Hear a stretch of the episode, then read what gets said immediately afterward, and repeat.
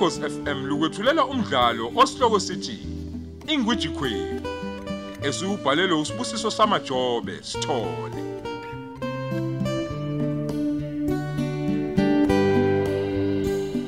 lesi isiqebu sethu samashumi amathathu nanye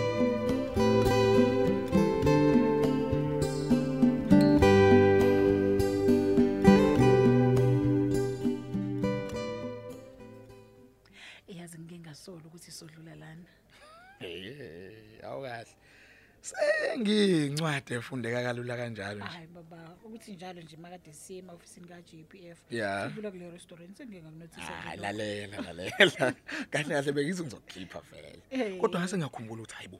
Kade sagcina uku-update imininingwane yethu lapha ka-GPF. hhayi akusenendaba-ke nje as long as ngikhishiwe ngadla kamnandi thanks to gpf Kodwa ke ithuzwile ukuthi okungenani kuzomela si-update imininingwane yethu njalo ngonyaka. Angithi uzwile? Mm, noma-ke kukhona ilungu elisha lomndeni Hayibo wakhumbula lelophuzo sithando sami. Awu usukulungele yini kodwa ukuba umama. hayi bona kodwa nkosi yami njengoba ngifuza kanjeyana lapha esibhedlela nkulunkulu wami iyoncela nini kodwa leyo ngane hey avutha ndokucasha ke sithupha. Alutho, usho baba. ukuthi abekho nje onesi Hayibo. abanezingane abangcelisayo. Hayi ngicela siyekele kumdali-ke leyo-ke bani kuyokwenzeka nje uma isikhathi sakhona sesifikile. Hayi uqinisileke lapho kodwa ngoba phela nami angifuni nje ucabanga ukuthi ngikufakele ingcindezi mama. Hayibo we ubani yena? Hayi awukaze nje wena nanini wangifakela ingcindezi hayibo kodwa kuyakhunjuzwa ubani nje ukwenza izinto uma sekukhona ingane. Njengoba ngiyikhohlela nakanjena nje usudila nengane ke nje wena.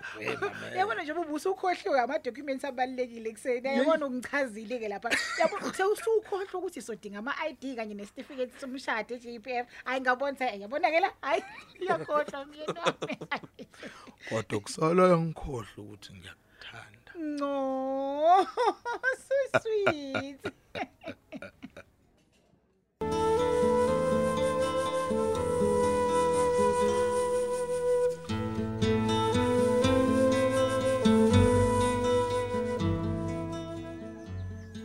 Sawubona ma. Ngithi angifone nje emva kokuzwa indaba ezibuhlungu kanje ngomyeni kaThandeka. Konje ngikhuluma nobani? Oh, ngiyaxolisa. Ukhuluma noThenjiwe Majozi ma. Awu. Phela umuntu okufanele umduduze uthandeka. Kutheni wafonela mina pho? Ey inkinga yami ukuthi bengamtholi ocingweni ma. Ungixolele bandla. Ngisho ngacabanga ukuthi ngenzeka mhlawumbe ukuthi vele ucingo akalisebenzisi kule insuku. Ngase ngiba nethemba ke lokuthi mhlawumbe uma uyazi ngosuku lomncwabo. Hayi cha cha cha mntana bengakaziswa lutho nje sisi. Kodwa ke nginesiqinisekiso sokuthi uyozwa mhla selihleliwe. Hawu. Manje uvala ucingo ngoba kuyimina ngimfonelile. Ukuphapha kwanje lesisalukwazi lesi ave sidelela. Kwenze njani wakhuluma wedwa Thenjiwe? Yo, uzwangithusa phumelela. Hayibo. Usuyangicathamela yini manje? Kahle boThenjiwe. Ngicathamela kanjani wazi kahle ukuthi ngikhona lapha endlini? Ubukhuluma nabacingweni? Hayi, ngikhuluma noma ngathandeka. Oh. Bengithi phela ngimbuze ngeindaba zomncwabo kaMandla. Oh. Hayi bandla lesalikwazi savela nje sangiphendula, sangibhekisa le. Waso ubucabanga emncwabeni? Eh, wena uyini? Hayi, bengayazi ngicabange lokho. Hayi ke, ungabe sacabanga siyahamba. Ukuthi nje anginayo inamba kamna kwabo kathandeka. Uyena bezokunikeza impendulo eqondile. Hayi, khulileka. Uzozwakala uma seliphumile usuku. Ungazikhathazi ngomakhezo, kungenzeka umthole idlela izinto zakhe nje.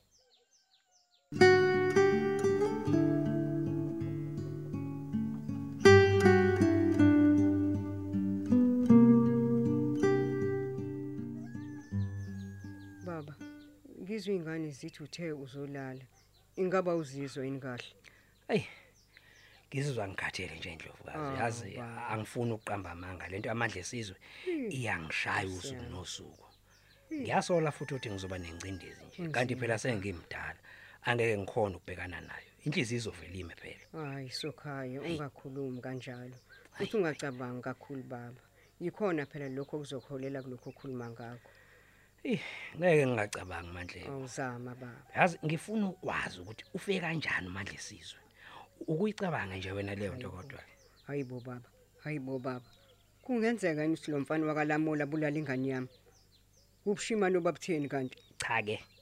Usengenzeka futhi Hayibo, ukuthi umfazi wakhe lo mfana Hayi, ngokuhlanganyela hayi, nonina hayi, hayi ngeke baba hayi ngeke yenze into enjalo umasikhosana ngeke ayenze lonto cha angivumi baba ayi ube ngayifuni yonke lento ebiyenzeka lapha ekhaya manhle noma kunjalo baba. Uyazi nje futhi akudlule lo mngcwabo babo bahambe nje benomakheso uyazi futhi ukuthi lo wangibiza ngegama mhla kombiko ukuthi uMandla ushonile awu hayibo ngegama kwakwenze njani? Hayi ngesikhathi niqulekile nami ngisadidekile ngididizela nje. Ah, wengimemeza ngegama lo baba. sengathi nguntanga yakhe awu Hawu. kodwa baba nawe musukuba nehabu uyamazi ukuthi unjani hayi umakheso so angibize igama. Ungayikhathazi ngaleyo nto sokhaya ayisuka ungalala nje ngizobuye baba ngizokubheka ngoba vele sekuhlwile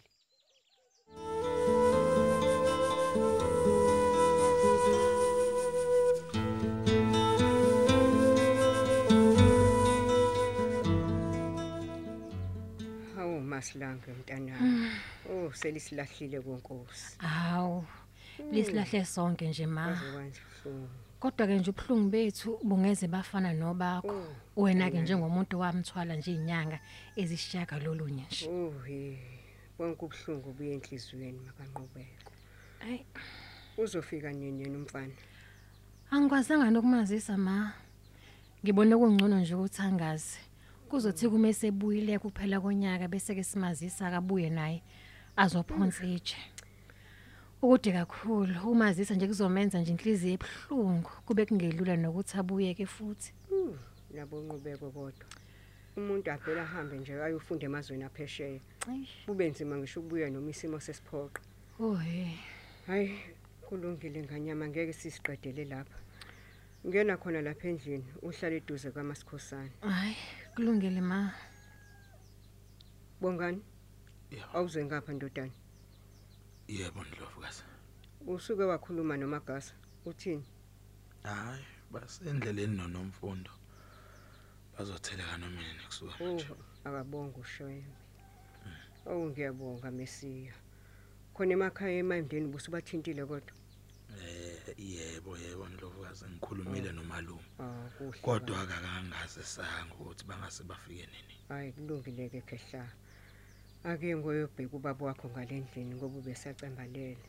Sengathi akazizwa kahle. Ndlovukazi.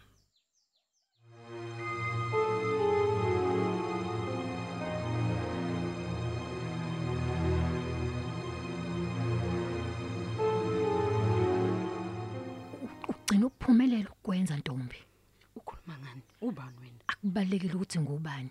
Khona ke nje sekuthiwa uyangizonda ngempela. Ungavela ubulala umuntu ongenacala ngehluke sinjena ngoba ungafuna ngilobole. oh wena uphumzile awunamahloni uzosola umfelokazi okumboze Ayisuka. ingubo ngoba e- ezilela indoda yakhe engakangcwatshwa nokungcwatshwa U- Uzile ngoba uzilile kodwa noma udukisa umkhondo wena. uyazi ukuthi mina ngakubopha ngalento eshoyo ngoba ubufakazi awu- ba- baya unabo Kusho ukuthi wena ulwa nabazali bendodana yami we. Awufuni ukusibona sikhululekile. Omunye uyambulala, omunye ufuna kubolele ejele. Angithi uyazi ukuthi angeke ngibuthole lobo bufakazi ngoba ushaya uthola msindo. ufuna ngimemeze lapho umzile bese ngiyabayalela ukuthi uxoshwe emngcwabeni ungamngcwabi kwamandla loyo Sengithulileke sipokindini.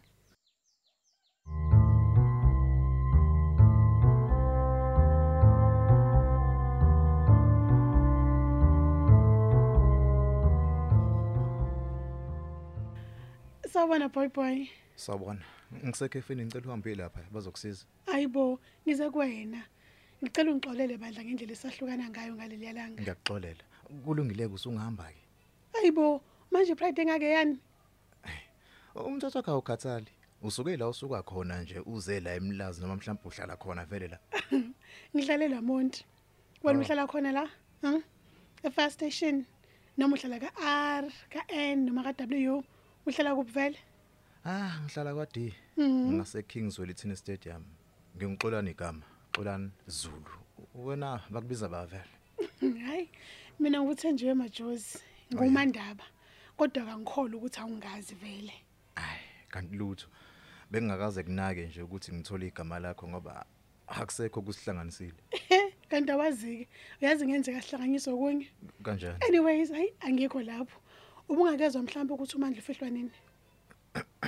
U- u- uMandla Mhm. u- ubani loyo manje Ku- kungani ngicabanga ukuthi mina ngiyamazi uMandla Hawu ngoba indoda akathandeka. Ngicela uyeke bantu kuphika ukuthi uthande kuyamazi. Oh, a- a- ake ake kuthiwe ngiyavuma ukuthi ngiyamazi uthandeka ngabe lokho sekuchaza ukuthi noma umkhwenyana wakhe ngiyamazi ngoba phela ngokwazi kwami wena usho ukuthi noma Jozi ngiyamazi Hayi uxolo. Bengithi uyamazi yazi. Singaze sixabane nje sixabanele ubala. Hawu sesixolelene kahle kanje. Usale kahle. I- i- imancane Mhm.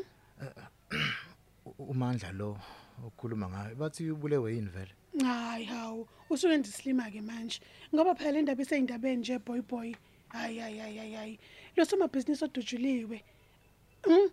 Osangene esangweni la kwakhe hamba nengane. Awuzwanga ngaleyo ndaba? Oh ya ya ya sengiyakhumbula kuma usho kanjalo no into eyenza ngingacabanga ukuthi ngabe ukhuluma ngaye ingoba bengingayitsheni ukuthi ubumazi ngale ndlela yokuthi usungazi ufuna ukuyobungcwaba Hayi, akaze ke ngithi ngifuna ukuya emngcwabeni. Awu. Bengibuza nje ngoba phela indaba ekhulunywayo lonke itheku namaphathelo.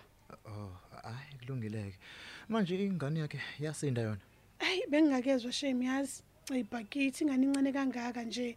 Yazi trauma leyo izohlala nje ine trauma for the rest of impilo yayo. Angifuni ukuyicabanga nje indaba yayo. Kodwa ngicabanga ukuthi yasinda ngoba phela ayasikakezwa lutho. Akekho sakhuluma indaba ukuthi yashona. Eish, ayi banesihluka abantu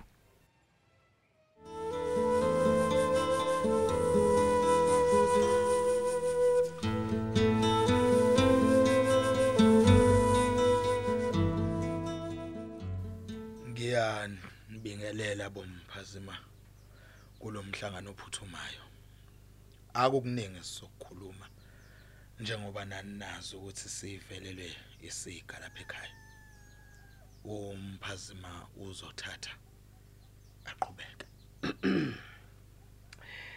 Ngiyabonga bomphazima nokuseseka kulesi sikhathi esibhekene naso. Angithandi ukuthi sihlale isikhathi eside singangcwabile ngoba sibambezela isizwe. Em ngizwe ubongane ethi senikwazile ukuxhumana nemshwalense ethile. Eminye ke sesoyibona emva komgcwabo. Lapho kushoda khona imali sizoyifaka thina. Singawulanda futhi umzimba kusasa kube kuqhubeka inkonzo. Bese kuthi ukufika kwawo ke siwufihle. Um angihambisani nalokho mina. Ngiyaxolisa ukuzinika ithuba nginganikwanga. Mina noMandla sathenga indawo yokungcwaba eThekwini. Eh, Sengicabange kahle. Ukuthi ngingathanda ukuthi simngcwabe kuyona. Namalungiselelo omngcwabo aqhubeke Hayi. emzini wethu. Hayi. wentombi. Hayi. Bakani, Hayi. mbambe, mphazima, mphazima, uthuma namanzi. Sokhaya. Yalekelelani bo. Mkhumule kwesigenhla, mkhumule kwesigenhla ntodana. Hayibo, ayinkosi mphazima.